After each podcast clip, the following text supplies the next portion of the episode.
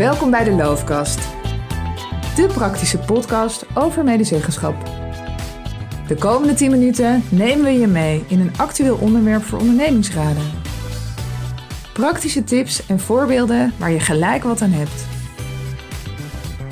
Welkom bij weer een nieuwe editie van de Loof Podcast.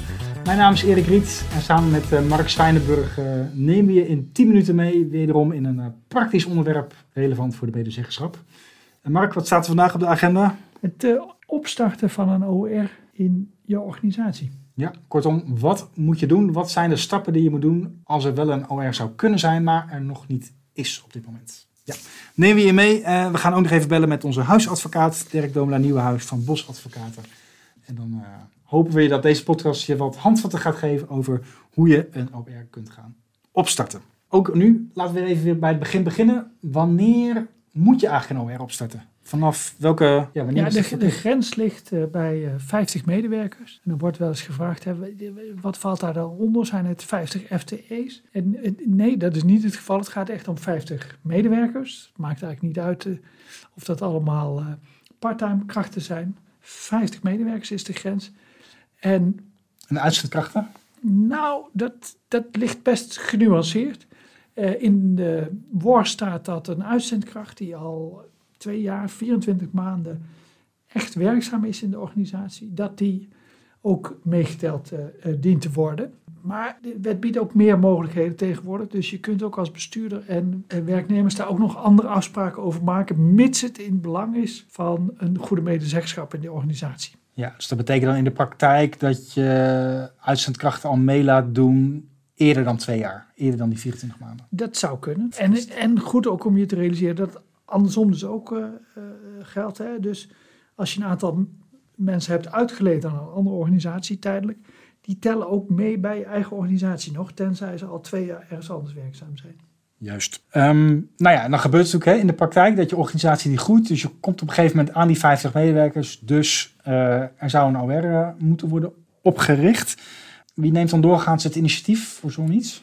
Nou, dat verschilt per organisatie. Soms is dat de bestuurder die uh, zegt, kom we gaan een OR formeren. En soms is het een vertegenwoordiging vanuit het bedrijf die zegt, moeten we niet een OR hebben? Ja. Beide vormen zie ik, zie ik terugkomen. Nou, als we dan even heel praktisch maken. Dus we zitten in een situatie, een, een, eh, een, organisatie die, die gaat over die 50 man heen. Dus er moet een, of, ja, men wil een OR oprichten. Wat zijn dan eigenlijk de stappen?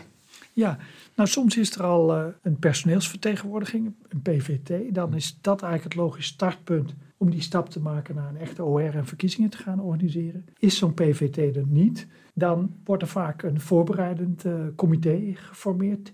Die start met de voorbereidingen. En dan vraag je natuurlijk... Ja, waar moet ik me dan aan denken? Ja, voorbereidingen. nou, er komen een aantal hele praktische dingen dan op een organisatie af.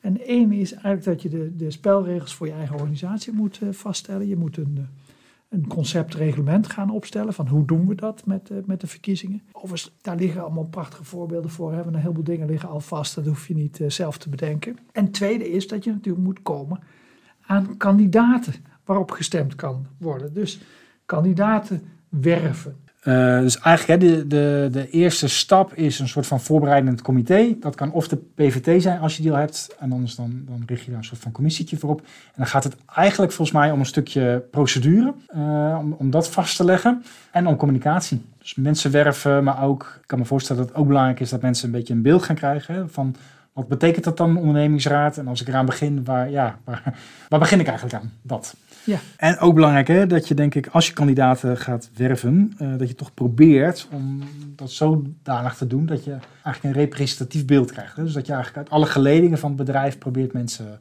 zich kandidaat te laten stellen. Ja, in de praktijk heb je eigenlijk twee, twee vormen. Dus bij bedrijven waar veel mensen lid zijn van een vakbond, dan wordt ook vaak de betreffende vakbond gevraagd om een kandidatenlijst aan te leveren.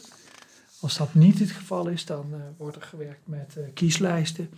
En dan wordt er bijvoorbeeld per organisatieonderdeel een aantal kandidaten bij elkaar gezocht. En ook belangrijk is om te weten met hoeveel mensen je moet beginnen natuurlijk. Hè? Want daar zegt de wet natuurlijk ook over. Tussen de 50 en 100 personen is dat in principe vijf leden.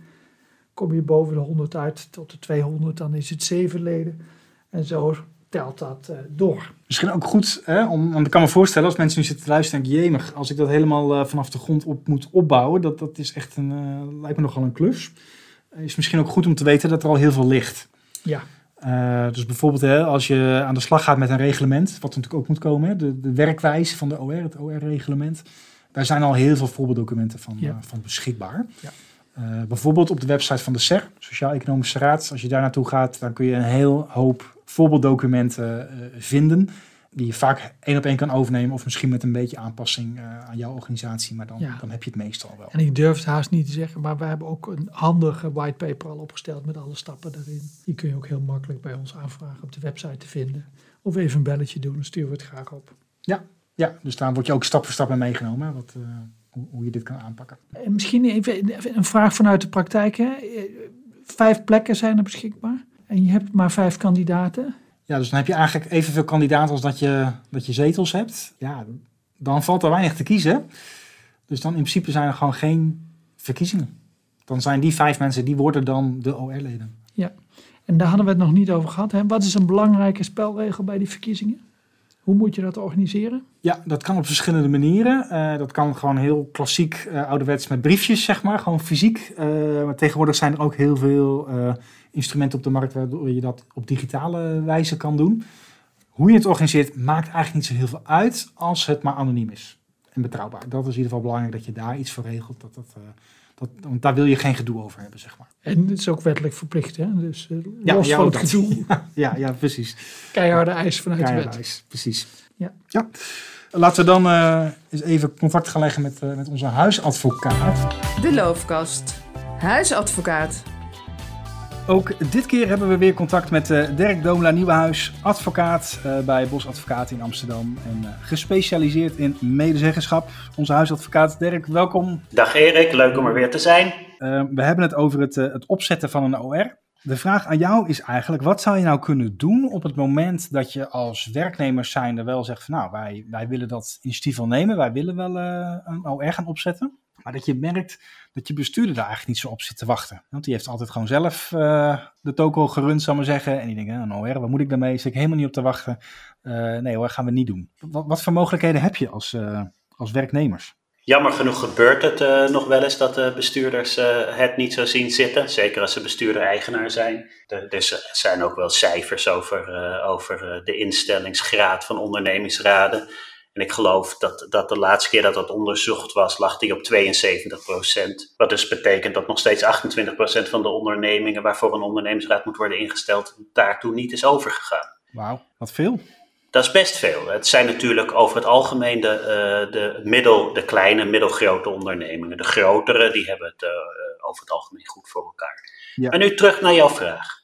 De wet op de ondernemingsraden schrijft de instelling van een ondernemingsraad voor als een verplichting, als een plicht die op de ondernemer rust. Dus het is niet zo uh, dat de bestuurder kan wachten tot werknemers hun belangstelling daarvoor kenbaar maken. Zodra er meer dan 50 mensen in die onderneming werkzaam zijn, moet er een ondernemingsraad worden ingesteld. En de ondernemer moet daarmee beginnen. Nou, doet hij dat nou niet, dan kun je natuurlijk als werknemer je vinger opsteken. Dan is het misschien fijn als je dat met een groepje doet. En zeggen van, hé hey, uh, bestuurder, er rust uh, op de ondernemer een plicht om een ondernemingsraad in te stellen. Wij zien dat die er nog niet is. ga daartoe over. Ja. Nou, dan moet hij dat ook doen. En als hij dat niet doet, ja, dan kun je uh, uiteindelijk de rechter vragen om de ondernemer die plicht op te leggen. En van de rechter krijg je gewoon gelijk. Daar bestaat ja. geen discussie over. En um, als een bestuurder op zich wel welwillend staat tegenover het idee om een OR op te richten, maar bij de werknemers die zijn er niet echt voor te porren. Ja, ook dat is een, uh, is een probleem wat in principe op de, op de uh, dat is een probleem van de ondernemer, hè, van de bestuurder. En de SER die heeft wel een aantal uh, handige handreikingen gedaan om de belangstelling voor medezeggenschap binnen de onderneming te vergroten. Ja. En eigenlijk daarmee de uh, bestuurder middelen gegeven om de, nou ja, om de animo onder het personeel en ook onder de jongeren te vergroten. Ja. Zijn er consequenties voor een ondernemer op het moment dat hij wel verplicht is tot een OR, maar die niet heeft? nee, geen directe consequenties. Er is, er is geen OR-politie. dus je krijgt niet een boete als je hem niet hebt. Het kan wel um, buitengewoon ongelukkig uitpakken voor een ondernemer. Zeker in de gevallen waarin er een groep medewerkers aandringt op instelling van een ondernemingsraad en hij daartoe niet overgaat, dan kan dat tot grote problemen leiden op het moment dat hij een besluit wil nemen dat op grond van artikel 25 op de van de wet op de ondernemingsraad onder het adviesrecht zou vallen. Dan kan hij dus eigenlijk niet advies vragen, want er is geen OR. Nee, en dan, uh, uh, dan wil hij dat besluit misschien gewoon uh, zoals hij gewend is doordrukken. En als er dan tegen wordt opgetreden en de bestuurder dus willens en wetens geen initiatief heeft genomen om die OR op te richten, dan zou het best kunnen dat een rechter zegt van ho, dan kun je dit besluit nu niet nemen. Dan moet je eerst die OR uh, uh, instellen, dan moet je het voornemen ter advies voorleggen en dan pas kun je daartoe overgaan. Kortom, er is niet een OR-politie, die wordt niet gecontroleerd, maar... Maar... eigen parochie, het is wel in het belang voor een bestuurder volgens mij om een OR in te, in te stellen.